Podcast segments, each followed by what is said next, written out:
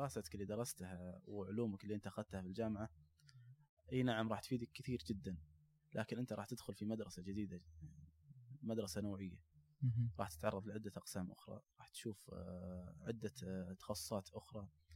فأنت الآن تدخل يجب أن يعني تتكون عندك موهبة أنك تربط بين هذه التخصصات مع الصيدلة. السلام عليكم. أهلا وسهلا. أنا عبد العزيز مطيري وهنا بيطار اليوم حلقتنا تتكلم عن مجال عمل الصيدلي في مصانع الأدوية. تكلمنا عن هذا الموضوع في حلقة سابقة مع الدكتور فيصل الطلاسي ولكن تكلمنا بشكل مختصر آه، الوقت ما أسعفنا آه، ولكن كان فيها نصائح مهمة أدعوكم للاستماع لها. هي الحلقة الرابعة من بودكاست بيطار. واليوم تكلمنا عن نفس الموضوع ولكن بشكل أشمل وأوسع مع الدكتور سلمان المهيزع المدير الفني لأحد المصانع في المملكة العربية السعودية.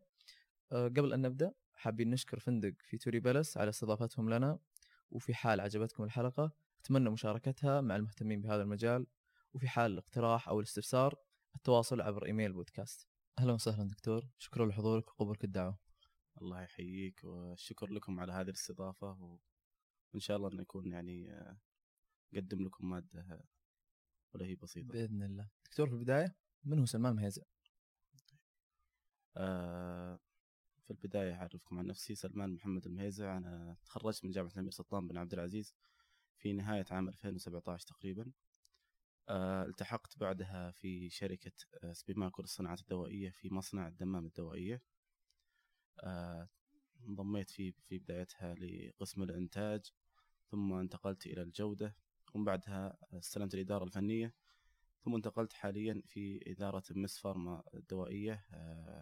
كمدير فني لمصانع مس فارما في المملكة العربية السعودية ما شاء الله دكتور طيب الصيدلي الخريج اللي حاب يتوجه إلى مصانع الأدوية إيش المجالات الموجودة قدامه؟ ممتاز. آه كصناعة نتكلم عن المجالات الموجودة في الصناعة المجالات آه جدا كبيرة وتتداخل كثير مع آه مع صلب الصناعة. فانا نتكلم عن الصيدلي في الصناعة نتكلم على عدة تخصصات ليست الصيدلة فقط. إحنا نتكلم على الهندسة، نتكلم عن الكيمياء، نتكلم على عدة تخصصات. آه بناء يعني واحدة واحدة من أهمها اللي هي الإنتاج والثانية الجودة. فما في مصنع إلا ينتج وما في مصنع إلا يطلع المطلوب منه إنه يقدم جودة عالية.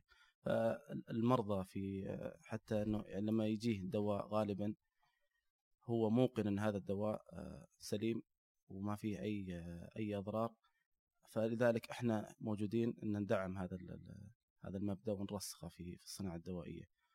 آه، الصناعة الدوائية ملتزمة في أقصى معايير الجودة زي الصناعه الممارسات الصناعية الجيدة وهذه الممارسات حتى وإن الصيدلي ما تعرض لها أو ما ما طبقها في الجانب العملي كثير أو إنها جديدة عليه لما ينضم للصناعه الدوائية تعتبر آه، هي هي هي صلب التخصص اللي درسه فهو الأقرب إنه يطبق الممارسات الجيدة اللي تضمن سلامة الدواء وسلامة المريض. جميل بس دكتور أنا أقصد إنه الآن إذا بدخل أنا مصنع أنا ممتاز. كخريج حابب أتوظف في مصنع إيش المجالات اللي قدامي؟ يعني في في بداية الانضمام للمصنع أنت عندك عندك عندك أربع أو خمسة تخصصات ممكن إنك تدخل فيها أو أربع مجالات نقول أو مسارات. حلو ندخل في كل طيب. مسار ونفصل فيه. المسار الأول اللي هو تقريبا مصانع التصنيع أو ال production فال production ممكن يبدأ آه، ك production pharmacist أو ك manufacturing أو ك production team leader بحيث إنه يدير المهام اليومية لعمليات التصنيع execute ال plan ففي يعني يدخل ك leader يدخل كقائد فريق. ممتاز. آه هو الهدف منها إنه الصيدلي يوزع المهام بالشكل المطلوب ويضمن إنه التصنيع يتم وفق الأسس والمعايير الجيدة اللي هي ال GMP أو good manufacturing practices فهذا الهدف الأهم آه، في آه، في هذا المجال. بعدها ممكن إنه يتدرج إنه يكون مثلا production supervisor ليس فقط فريق انت عارف ان الإنتاج يعتبر عدة فرق يعني. فممكن إنه يكون مشرف على أكثر من فريق مشرف على أكثر من shift ثم بعدها ال production management آه، واللي تصب بعدها في الإدارة الفنية. يصير مدير مدير فني للإنتاج. نعم المصنع تقريبا. طيب آه، كم الراتب؟ ك- معليش بس على الرواتب بس؟ أنا- لا بالعكس، مطلوب. يعني ك entry level هو الشركات تتفاوت إحنا ما يعني إحنا الآن في المملكة عدد المصانع قاعد يزيد والشركات كل كل مصنع لها سلمها الخاص فيها. كم عدد المصانع عندنا؟ آه، المسجلة تقريبا 40 مصنع. آه، لكن التسجيل لا يعني إنها تصنع تصنيع كامل ولكن sooner or later هذول كل المصانع هذه راح تحول إلى آه، التصنيع الكامل آه، حسب اشتراطات هيئة الغذاء والدواء وحسب رؤية المملكة. يعني 40 مصنع عندنا في السعودية. طيب. مسجلة. آه، نكمل برضو. الرواتب كيف طيب. نتكلم عن الرواتب في بداية المسار. غالبا يعني بتكون ما بين ال- ال- العشرة آلاف إلى 12 ألف. إلى 13 ألف أحيانا كبداية آه، في الصناعة الدوائية. ثم بعدها تن- ننتقل آه، لا أقصد في الإنتاج. في الإنتاج عفوا. إيه. ثم بعدها يعني ال supervisor ال supervisor level هذا بيكون أعلى طبعا. آه، غالبا يتجاوز ال 15 ألف. وش طيب مهمة ال supervisor أو إدارة أكثر من فريق؟ إدارة ال- الفرق وتحقيق ال- الخطة المرجوة من منها أو الموضوعة له في آه، عمليات التصنيع. فإحنا عندنا output شهري وعندنا output أسبوعي مهم. لازم يطلع. فإحنا لازم نحقق ال target بعدها يكون- بعدها إدارة إدارة الإنتاج. أو الإدارة الفنية وهذه راح تكون طبعا آه، هذه متفاوتة ما يعني ما حد يقدر يتنبأ فيها لكن هي غالبا تتجاوز ال 20 25 ألف. ممتاز. طيب خلصنا من آه، مسار الإنتاج. المسار الثاني؟ المسار الثاني إنه الجودة. حلو. يعني حسب اشتراطات هيئة الغذاء والدواء إنه يكون فيه آه، صيدلي مرخص. كان في السابق يعني كانت في السابق هي فقط للصيادله لكن الآن بحكم إنه كذلك أعتقد والله أعلم إنه العدد في الصيادله كذلك في هذا المجال أو الخبرة ليست يعني ما في عدد كبير. ف كانت آه، للصيادله الآن هي للصيادله وكذلك لل- للكيميائيين وغيرهم. ولكن الصيدلي اللي بينضم في هذا المجال يعتبر الأعلى قيمة أو الأعلى آه، دخلا فيهم. مهم. فتقريبا السلم واحد في كل الشركات إنها يتعدى ال 10000 في الجودة الواحد يدخل كبداية في تأكيد الجودة. طبعا الج- الجودة لما أتكلم عن الجودة هي بحر وهي سبعة تقريبا أقسام أو ستة أقسام.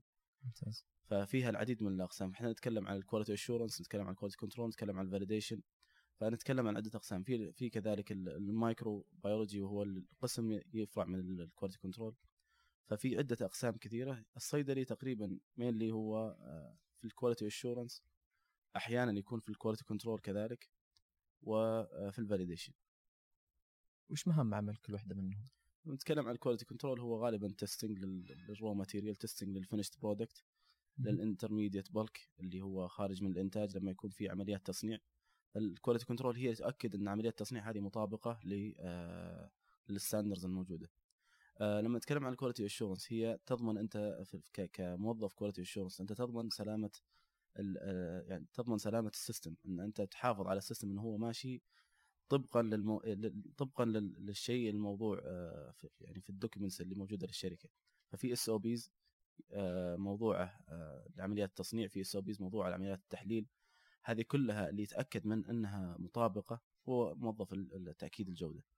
بالنسبة لل validation إحنا هذه مرحلة التحقق فأي system جديد يطلع عندنا أو أي عملية جديدة ندخلها على ال system القائم أو ال- النظام القائم عفوا آه، إحنا راح نتحقق منها ونتأكد إنها هي سليمة و يعني هي هي سليمة ومطابقة لأسس ومعايير ال- ال- ال- ومفاهيم الصناعة الجيدة اللي هي ال GMP حلو. بعدها؟ بعدها الرواتب أنت يمكن نتكلم عنها واحدة واحدة. يلا ف في الرواتب غالبا آه، هي تقريبا المصانع غالبا ما يوحدون ال- المراتب الوظيفية.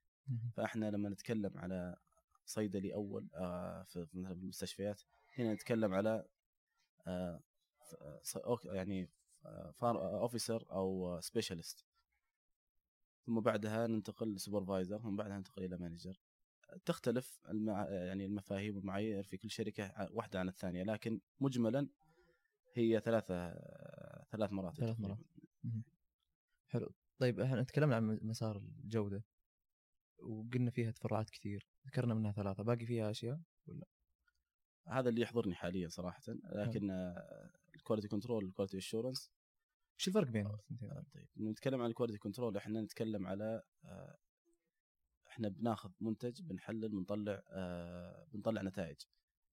والنتائج هذه لازم تكون within ال limit لما نتكلم عن ال quality assurance إحنا ليس فقط آه، تحليل إنما تأكيد على إن ال- الشركة والعمل في المصنع وفي كل جزء من المصنع بالضبط زي ما وضعنا آه، زي ما وضعناه في يعني في- في ال documents أو زي ما حددناه سابقا. فأنت تتأكد إنه إن عمليات التصنيع مطابقة لل- للموضوع لها سواء guideline أو SOPs أو غيرها.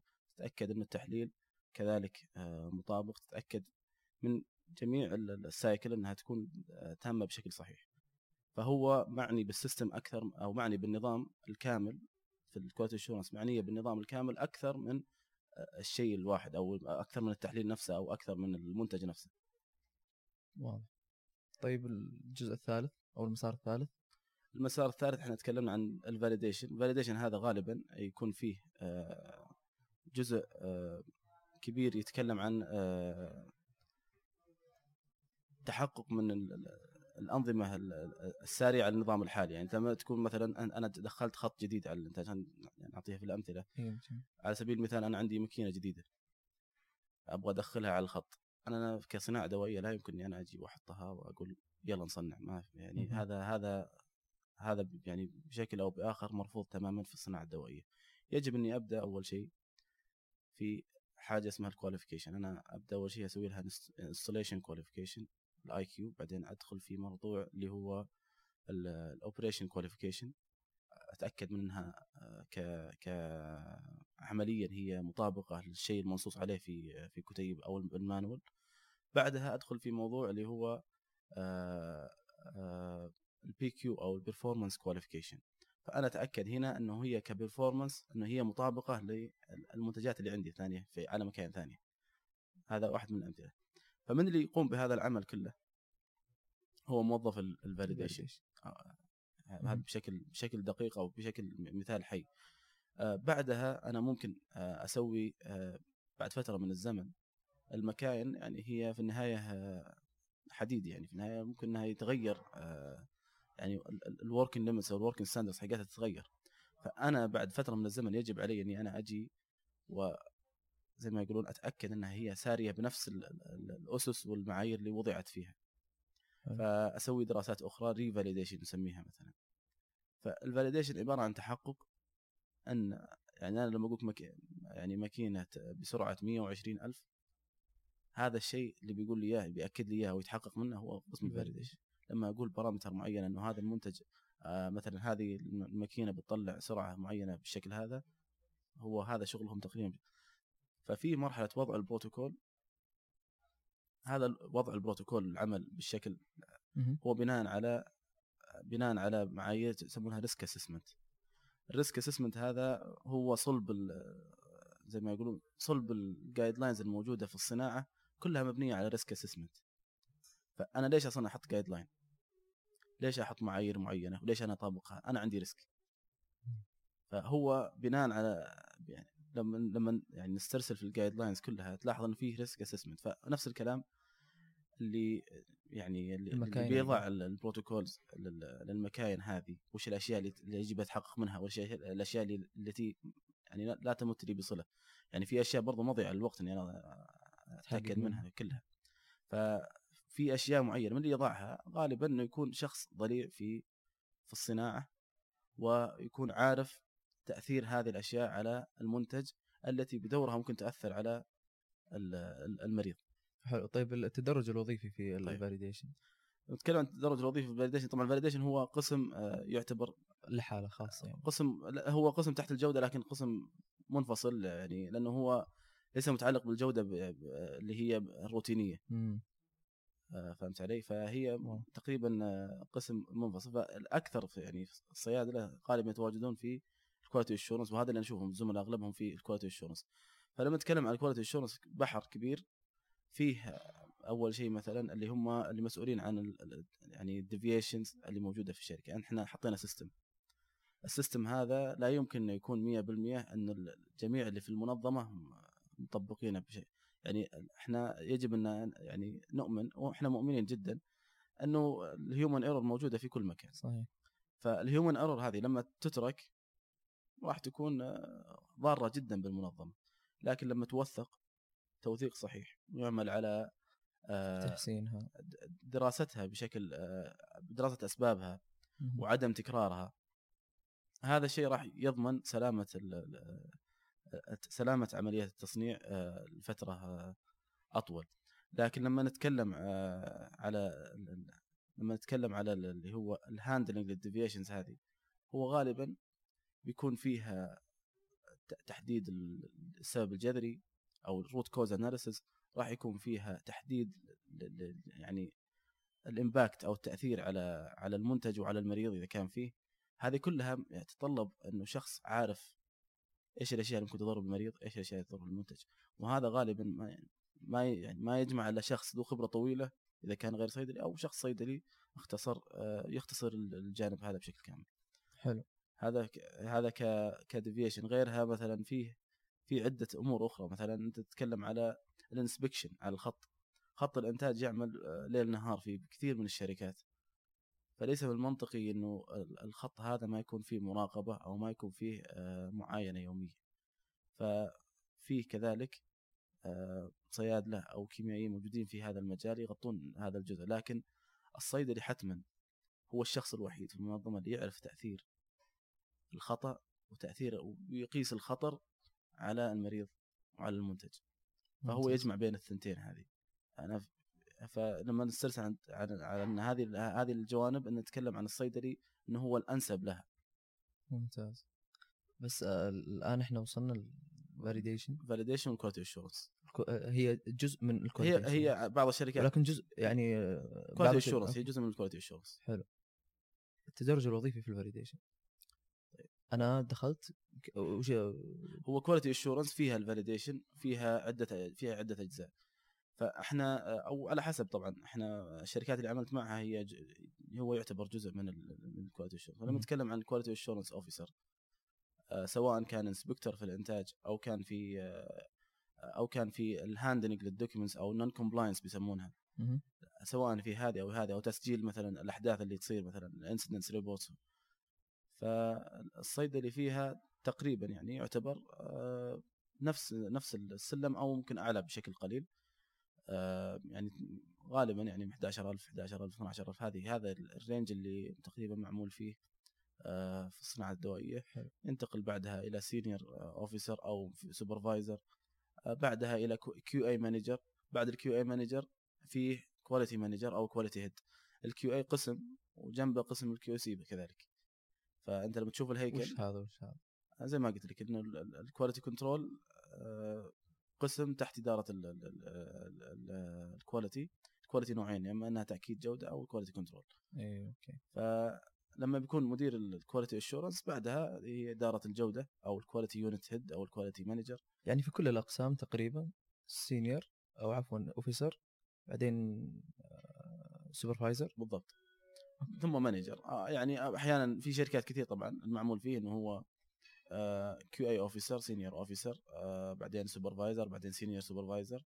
ولكن غالبا هي أنا أشوف التسلسل اللي, اللي أنا شفت بناء على ال- الصيادلة اللي أنا أشوفهم في ال- في ال- أو الزملاء الموجودين في المهنة غالبا ما يتسلسل ما بين officer to supervisor من supervisor إلى manager وهلم جر طيب إحنا تكلمنا عن ال production تكلمنا عن ال quality وعن ال validation في مسار رابع.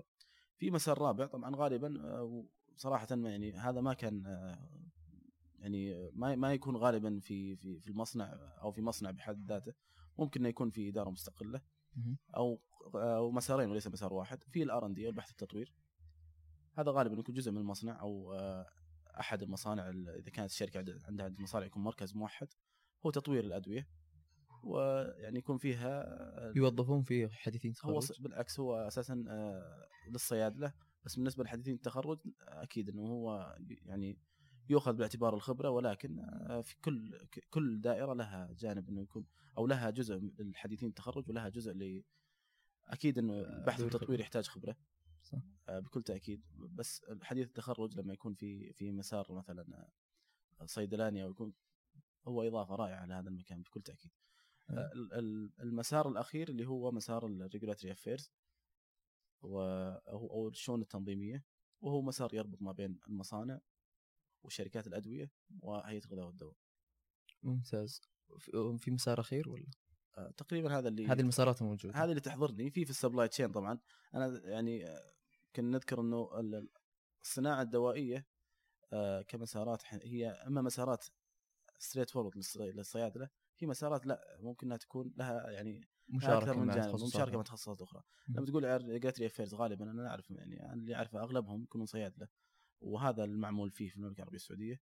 آه، فيه في المصانع مثلا في بعض التخصصات هي فقط للصيادلة. آه، مثلا زي الإدارة الفنية للمصانع. هي يشترط فيها مثلا إنه يكون صيدلي سعودي ومرخص من هيئه التخصصات الصحية. آه، وتقريبا هذه المسارات اللي تحضرني حاليا يعني. ممتاز. طيب آه، بالنسبة للبحث والتطوير هل ممكن إنها تستكشف دواء أو إنها بس مجرد تطوير؟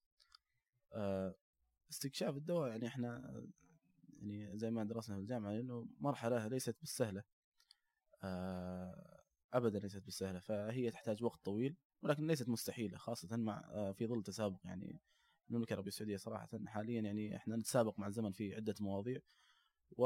وليس ببعيد إنه إحنا بإذن الله إنه يكون لنا آه، إن شاء الله يعني اسهامات في ابتكار molecule جديد. ولكن المعمول به في الصناعات الدوائية إنه يكون أو في قسم البحث والتطوير في الصناعات الدوائية إنه يكون حل لمشاكل ال formulation الموجودة في ال- في الشركة في ال portfolio حق الشركة. أنا لما يكون عندي مشاكل أو لما يكون عندي آه، مشاكل أما مشاكل هي process أو مشاكل product فهي كلها تحل أو تدار من قبل آه، البحث والتطوير طيب دكتور ما تكلمت عن ال supply chain آه زي ما تفضلت يعني آه ال supply chain يعني هو يعتبر واحدة من أهم ال- ال- الأقسام في الصناعة الدوائية لكنه هو له علاقة في المصانع له علاقة في في في, في سلاسل الإمداد آه، بعد ما بعد المصانع والمستودعات وله علاقة كذلك في آه، في نقاط التوريد. فهو بحر كبير جدا آه، زي ما قلت لك هو فيه الصيادله يعني آه، ممكن يلعبون دور فاعل ومهم فيه خاصة مستقبلا إحنا داخلين على آه، يعني لما نتكلم على أدوية مثلا حيوية لما نتكلم على أدوية آه، زي الانسولين مثلا أو ال- البيولوجية. هذه كلها تحتاج ظروف تخزين معينة تحتاج طريقة يعني تخزين وطريقة كذلك توريد بشكل آه، وتغليف كذلك يعني بطرق أخرى. فال supply chain بحر كبير صراحة آه، طبعا تكلم عنه الدكتور يعني ممكن نتكلم عنه في مجملا. آه، في الصناعة الدوائية إحنا عندنا ال supply chain يبدأ من مرحلة ما تدخل المواد الخام. من طلب المواد الخام في البداية. يعني أنت عندك خطة وأنت عندك target وعندك demand فأنت لازم تكون مو- المواد جاهزة من قبل. فال supply chain يدخل من بداية المنتج. بعدها بعد ما يطلع المنتج أنا الآن لازم المنتج هذا يعني أنت كذلك في في المصانع غالبا أنت عندك مساحة معينة أنت أنت يعني آه يعني مجبرا إنك تستخدمها بطريقة احترافية. بعد ما تطلع هذه المواد لازم إنك توف- تو- توفرها للسوق بشكل آه بشكل ملائم وبشكل سريع جدا يضمن إنه آه إنه ما يكون فيه انقطاع. خاصة في ظل وجود كذلك الآن الدو... هيئه الغذاء والدواء لها اسهامات فاعلة إنه في مشاكل الانقطاعات للأدوية في مشاكل الت- التوريد حتى إن أصبحت كثير من المستودعات أو كثير من عمليات النقل والتخزين مربوطة في أنظمة هيئه الغذاء والدواء فالصيدلي اللي يعمل في هذا المجال راح يكون له تأثير وبصمة قوية بحيث إنه آه، يضمن إنه ظروف التخزين آه، معمولة بالشكل الصحيح تخزين ال- المواد الحساسة عن غيرها لأنه يعني معرفة المواد ومعرفتها إنه آه، أو تقسيمها آه، وخطرها من ناحية ك يعني كتقسيم للمواد هذه وخطرها ومعرفة إنه وين هذا يتخزن وين هذه تروح وين هذه هذه كلها يعني ما هي شيء يذكر في في جلسة صراحة لأن هي يعني بحر كبير جدا supply chain فالصيادلة اللي داخلين في هذا المجال يعني أنا وأنا أنصح صراحة إنه اللي اللي يعني اللي اللي يعني يحصل له فرصة إنه يدخل في هذا المجال فهذا بحر كبير. أنت تنصح برضو في حلقة سابقة مع الدكتور فيصل طلاسي ينصح العمل في في ال supply chain لأنه بحر كبير وإلى الآن آه، غير مكتفي من ناحية الصيادلة بكل صراحة. فأنا أعتقد إنه هذا آه، أيضا آه، بحر جديد وكذلك في ظل دعم المملكة لهذا المجال كذلك إحنا عارفين ان في مدن لوجستيه راح تقوم جزء من العمليات اللوجستية عمليات الدواء. فهذا يعني بالعكس new era وبالعكس أه ودي نتكلم عن دعم المملكة لمجال مصانع الأدوية. طيب. أه أنا أعتقد شاهدت سابقا بعض النسب اللي هي أنه المملكة العربية السعودية في الوضع الحالي تغطي 30% من آه من ناتجها من استهلاكها للدواء. فإذا كان عندنا 100 منتج تقريبا 30% يتصنع فقط في السعودية. آه في حجم آه استثمار أو حجم السوق هذا قرابة 36 مليار. في 2030 أنا شفت اللي فهمت إنه راح يوصل إلى 70 مليار فلك ان تتخيل يعني هذا الرقم 70 مليار هذه آه، على 40 هل 40 مصنع كافية؟ يعني أكيد إنها أكيد إنها أكيد إن رقم المصانع راح يزيد حجم التوريد للسوق راح يزيد لأن أنت تتكلم عن 70 مليار. آه 30% طبعا هذا أنت حاليا قاعد تغطي 30% فهل أنت راح هل شو راح تشوف هذه النسبة بعدين؟ بالتأكيد لا إنه إحنا نسعى للاكتفاء الذاتي في آه، في الدواء نسعى للاكتفاء الذاتي في عدة مجالات غير الغذاء وغيرها. فأعتقد والله أعلم إنه المجال هذا راح يتضاعف أضعاف. ف...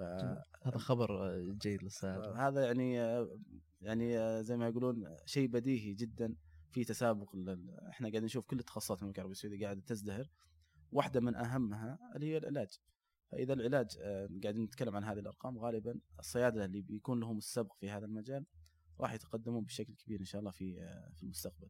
راح نكون كذلك راح نشوف آه، ما راح نشوف فقط إنه هو منتجات آه، عادية. الآن إحنا قاعدين نشوف مبادرات عديدة إنه ندعم الصناعات الحيوية ندعم الصناعات الدقيقة ننقل تقنية آه، عالية يعني التعقيد كذلك يعني.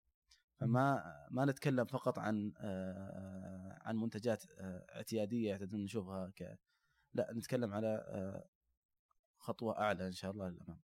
طرح عن الدعم مثلا نتكلم عن الدعم الدوائي. آه، في عدة جهات مثلا هيئة الغذاء والدواء عندها آه، قائمة موجودة في في الموقع مثلا إنه عن الأدوية اللي هي منقطعة أو ممكن إنها تنقطع. وقد تدعم كذلك في تسجيلها بشكل سريع وفي أدوية كذلك تدعم في تسجيلها بشكل سريع. فهذا دعم من ناحية أخرى. لما نتكلم على مثلا آه، التعاقدات الحكومية لما تروح على نبكو مثلا أنت بتدخل في تعاقد حكومي إذا منتجك منتج محلي حتى لو سعرك أعلى أنت لك الأفضلية. فهذا دعم كبير حاليا إحنا قاعدين نشوفه فمثلا نتكلم على منتجات كثيرة إحنا حاليا اعتدنا نشوفها تجي تستورد من برا. الآن صرنا نشوف منتجاتنا بالعكس هي اللي تستخدم حتى لو كان السعر أعلى إلا أنك أنت لك الأفضلية في في في, في المناقصات. آه هذا واحد. الأمر الثاني اللي هو زي ما قلت لك الرقم آه رقم الاستثمار قاعد يزيد وقاعد ينمو بشكل آه كبير جدا. نتكلم على نمو بقدر 5% هذا اللي يعلن عنه معالي وزير الصناعة. إنه تقريبا معدل نمو 5% راح ينمو السوق هذا. فنتكلم عن 5% واحتياج 30% حاليا نغطيه فإحنا نتكلم على في عندنا زي ما يقولون آه فراغ كبير سيمتلئ قريبا إن شاء الله. بإذن الله. وفيه دعم كبير يعني إحنا نتكلم عن ندلب آه، مثلا أو صندوق الدعم الصناعي وغيرها من الصناديق هاي تدعم وتوفر توفر مدن مثلا توفر لك المصنع توفر لك الأرض. في دعم مادي كذلك آه، من صندوق الاستثمارات في في عدة أمور ممكن انك أنت كمصنع محلي تستفيد منها فهذا الشيء راح نشوف قريبا مصانع كثير داخلة في السوق ومصانع كثير كانت موجودة وشركات كثير كانت موجودة قاعدة تدخل في الصناعة لأن أنت كم يعني كمستورد عندك سنتين ثلاث سنين أربع سنين مهلة ليست إلا بعدها أنت لازم تجيب المنتج للسعودية. جميل. طيب دكتور الحين تكلمنا عن آه، دعم المملكة وفي ظل دعم المملكة إيش المواصفات اللي يحتاجها المصنع في الصيدلي؟ آه يعني هذا سؤال صراحة آه بالعكس يعني أنا تمنيت صراحة يوم من الأيام إن أحد قال لي آه قبل يعني قبل أبدأ الصناعه الدوائيه كان قال لي إنه والله الصناعه الدوائيه فيها واحد اثنين ثلاثة أربعة فأنا بلخصها آه في عدة أمور من ناحية مزايا ويعني وعيوب. أول شيء الصناعه الدوائيه لازم نعرف إنه هي ساعات العمل فيها تعتبر أعلى من غيرها. مواقع المصانع غالبا أبعد من أي مواقع أخرى. آه يعني دراستك اللي درستها وعلومك اللي أنت أخذتها في الجامعة أي نعم راح تفيدك كثير جدا لكن أنت راح تدخل في مدرسة جديدة مدرسة نوعية. راح تتعرض لعدة أقسام أخرى راح تشوف آه، عدة آه، تخصصات أخرى. فأنت الآن تدخل يجب أن يعني تتكون عندك موهبة أنك تربط بين هذه التخصصات مع الصيدلة. لأن أنت في النهاية اينما أنا دائما أقول إذا كان فيه مريض في علاقة ما بين مريض وبين دواء أنت لازم تكون يعني لازم تفتح عيونك. ف آه هذه واحدة يعني زي ما قلت لك هذه بعض ما أقول إنها هي صعوبات أو مساوئ إنما هي تحديات. في الجانب الآخر عفوا في الجانب الآخر آه الرواتب راح تكون طبعا آه في البداية قد لا تكون هي مغرية لكن في المدى البعيد آه حتما راح تكون أعلى بكثير من أي مجال آخر أو من الأعلى في المجالات. آه لأن أنت تتكلم عن على شخص عنده جانب دوائي وعنده جانب فني.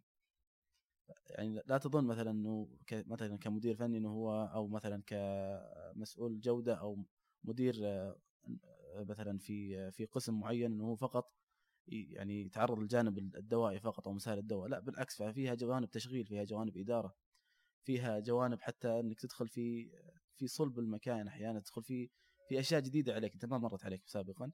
ولكن يعني أنا اقولها دائما شكرا للصيدلة انها هي أعطتك يعني أعطتك ال exposure على عدة على عدة تخصصات على عدة يعني محاور. أنت ما ركزت في جانب معين ركزت يعني في البداية إحنا درسنا إدارة صيدلية درسنا في therapeutics درسنا مثلا يعني صيدلة كلينيكية درسنا صيدلانية درسنا أشياء كثير. فأنت هنا جاي تطبقها بل بالعكس قاعد تستزيد أكثر. فهذه يعني زي ما قلنا التحديات والإيجابيات من يعني طيب في شهادات مطلوبة يعني تساعد في قبول اني اكون في مصنع؟ شهادات مطلوبة دورات كذا. آه المصانع تعتمد بشكل جذري وبشكل كامل على الخبرة. فأنت أي ما أي مكان تدخل فيه عندك تحدي كبير إنك أنت تتعلم أكثر. لأن أول شيء أنت هذا التخصص زي غيره من التخصصات متطور. فهو لن يثبت في يعني على وتيرة معينة. أنت كل يوم قاعد تتحدث عندك ال guidelines تتكلم عن ال ICH في تحديث بشكل دوري مثلا. هو واحد من ال guidelines المهمة اللي أنت لازم تعرفها. بشكل دوري قاعد يتحدث. فأنت إذا ما ألميت في هذه راح تلقى نفسك متأخر في هذا المجال. لا لا أقصد مثلا حديث تخرج أي. وأبغى أشتغل في مصنع. أنا بيقبلوني على طول ولا لازم في دورات شهادات؟ تساهم في قبولي؟ أنا بالعكس أنا من الناس اللي أرى أن الشخص في البداية إلمامه الكبير يكون دائما على اللي هي ال guidelines هذا أهم شيء بالنسبة لي يعني كمصنع. أنا أبغى أعرف أبغى شخص يكون عنده القدرة والقابلية إنه يفهم وش وش الخطر وكيف أنا أشتغل. فكيف هو يشتغل راح ياخذها مع الوقت لكن لما اتكلم على واحد فاهم ال guideline وعارف وعرف تفاصيل فأنت ممكن تستزيد منها. يعني إنت مثلا ال guideline تقراها تعرفها بحيث إنك أنت آه، تكون ملم لو بشكل بسيط آه، يعني في هذه آه، زي ما يقول الأنظمة والقوانين. الشيء المهم دائما في المقابلات الوظيفة لأي شخص راح يتوظف أو راح يدخل على الصناعة الدوائية أنا دائما أشوف زي ما قلت لك فيها تحديات هذه التحديات كلها. إذا والله ما شفت شخص يعني حاسس إنه عنده القابلية وعنده الرغبة آه، يعني هذا الشيء لازم يوضح في الشخص. يعني لازم الواحد يكون competent يعني إنه هو يرغب إنه في يكون في مجال الصناعه نعم. طيب وش اللي يرغبني في مجال الصناعه؟ وش وش اللي يجذبني؟ زي ما قلت لك أنا إنه أنت راح تتعرض لمعارف وعلوم جديدة راح تدخل في تخصصات جديدة آه كذلك ال scale الرواتب على المدى البعيد. أنت تتكلم على رواتب تتجاوز يعني تتجاوز انت حبيت تعيش مثلا برفاهيه ولا كذا أكيد الواحد يرغب هذا الشيء. الواحد لما يكون مميز في هذا المجال غالبا راح يتجاوز ال- الس- السلالم الوظيفية للصيادله في في أماكن كثير. طيب كمل على طاري السلالم الوظيفية. كم المده إني أنا أدخل مثلا ك officer وأصبح team management يعني كم المده تقريبا. يعني هي تتفاوت زي ما قلت لك من شخص لآخر. من ظرف شركة لظرف شركة أخرى. minimum و maximum يعني أنا أقول لك إياها مينيمم آه، أربع سنوات ثلاث سنوات آه، هذا أساسا هذا هذا اشتراط الدولة أساسا؟ إنك أنت إذا مسكت في في قسم مثلا إذا تتكلم مثلا عن إدارة فنية إنك أنت تكون عندك ثلاث سنين أقل شيء. آه، في إدارة في, في طبعا في الأقسام الفنية. لما تتكلم على إدارات أخرى كذلك تطلب أقل شيء خمس سنوات. في كثير من التخصصات تطلب عشر سنوات. فهي تتفاوت. ليس المهم المسمى ولكن زي ما قلت لك الشركات هذه أو هذه المصانع آه، عبارة عن آه، زي ما يقولون آه، يعني حلقة مستمرة يعني كلها في النهاية أنت قاعد تصنع وتنتج وت- طول طول السنة قاعد تنتج فأنت محتاج شخص قاعد يساعدك إنك تنتج. بغض النظر هو زي ما يقولون آه، في في أعلى الهرم أو في في النهاية في عندك بونصز عندك آه، هذه أشياء مو موجودة في يعني مثلا في الصناعة الدوائية الشخص ممكن ياخذ آه، كذلك مثلا بونصات. مم. ممكن ياخذ آه، علاوات سنوية أعلى من غيره في حال إنه تميز في جانب معين. آه، غير غير المواضيع اللي غير يعني إنه آه، التدريب المستمر راح يتعرض له. لكن كإدارة آه، زي ما قلت لي زي ما قلت لك خمس سنوات آه، هذا ال- ال- المينيمم غالبا خمس سنوات إلى عشر سنوات. طيب الحين آه، الماستر لو مثلا بدرس ماستر أنا ودي أكمل دراستي أي. تفيدني في المصنع ولا آه، والله تعتمد من شركة لأخرى تعتمد من آه، من مصنع إلى آخر لكن أنا شخصيا مثلا أنا الآن أدرس في في جامعة الأمير سلطان في الصيدلة الصناعية ماستر في الصيدلة الصناعية ما آه، قد لا يكون آه، مفيد جدا في في ال- في التسلسل الوظيفي أو في آه، أني أخذ علاوة اخذ ترقية أو غيرها. ولكن الفائدة لك أنت شخصيا. إذا أنت أساسا دارس على أساس أساس مثلا جانب معين أنت فيه في دور فيه شهادات كثير أنت ممكن تأخذها شهادات احترافية ومهنية أفضل لك من الماستر. إذا أنت إذا أنت تطلب الجانب الوظيفي. ولكن لما تتكلم على الماستر الماستر يعني بالنسبة لك قد يكون تدعيم من جانب نظري بحيث إنك أنت تطبق ال- ال- العملي بالشكل الصحيح طيب ممكن تحول أكاديمي بعدين ولا؟ آه، ك كشخص في المصانع إلى نعم في إلى أكاديمي. أكيد إنه في إمكانية. الأكاديمية شيء أعتقد إنه هو ما هو ما هو مرتبط ب ما هو مرتبط ب- بخبرة وظيفية قد ما هو مرتبط بعلمية معينة. طيب من مصنع إلى شركة؟ شركة إلى مصنع. مصنع إلى مصنع. الانتقالات هذه آه، الانتقال الوظيفي من مصنع إلى مصنع لما نقول مصنع إلى مصنع هذه سهلة خاصة لما تكون في نفس المجال. أو نفس الوظيفة آه، أحيانا قد تتوافق إنه مثلا الجودة الجودة موجودة في المصنع موجودة في الشركة أحيانا فممكن ينتقل ال- ال- الشخص من مثلا من قسم الجودة إلى قسم الجودة من من من جودة في المصانع إلى جودة في شركات أدوية مثلا الشركات تتكلم نتكلم عن شركات الأدوية نتكلم على مكاتب مهم. وفي من الزملاء كثير يعني انتقلوا من هنا إلى يعني من المصانع إلى مثلا شركات أدوية. آه، لما نتكلم على آه، يعني مصنع المصنع فهي أسهل. مصنع الشركة برضو يعني آه، واردة ولكن هي تقريبا بعدها. طيب آه، أنت قبل شوي تقول تمنيت إن أحد يعطيني نصائح بعد ما تخرجت. الآن أنا ابي منك نصيحة للشخص اللي حاب يتوجه إلى مجال مصانع الأدوية. نصيحة كذا مختصرة الصيادلة اللي ناويين يتوجهون إن شاء الله. آه، ذكرنا سابقا إنه آه، أول شيء التخصص هذا تخصص تقريبا على الصيادلة. ما أقول إنه جديد ولا أقول إنه قديم. فالتميز راح يكون للشخص آه، يعني اللي يطور نفسه أول بأول اللي يعني آه، يحاول قد ما يقدر إنه هو يستزيد. يعني أنت تشوف كثير من من الناس يفضل إنه ياخذ مهمة واحدة ويستمر فيها. إذا حصل لك فرصة إنك أنت تاخذ أكثر من إنك أنت تتنوع في المهام أو إنك تاخذ شغل زيادة في خاصة في بداية المسار فقد ما تقدر بادر لها. لا يعني هذا دائما دائما الشخص اللي يتميز يتميز في المهارات اللي اكتسبها جانبيا وليس في المهارات الأساسية. لأن الواحد لما يلم في جوانب كثير في في وقت معين ووقت بسيط والمصانع تعتبر من أهم أو من أكثر البيئات اللي تعطيك الإكسبوجر في آه، في التخصص. فقد ما تقدر أنك أنت تكون ملم آه، أو قد ما تقدر أنك تكون عفوا مبادر في آه، لما تفتح فرص معينة. هذا بالعكس شيء جدا راح يفيدك في المستقبل. بعد التوكل على الله دائما أنه أن الشخص يعرف إنه هذا مسار طويل بس يحتاج صبر. إنه زي ما قلت لك التحديات هي قد تكون سهلة على سلمان وعلى عبد الله وغيره لكن هي صعبة على كثير من الناس.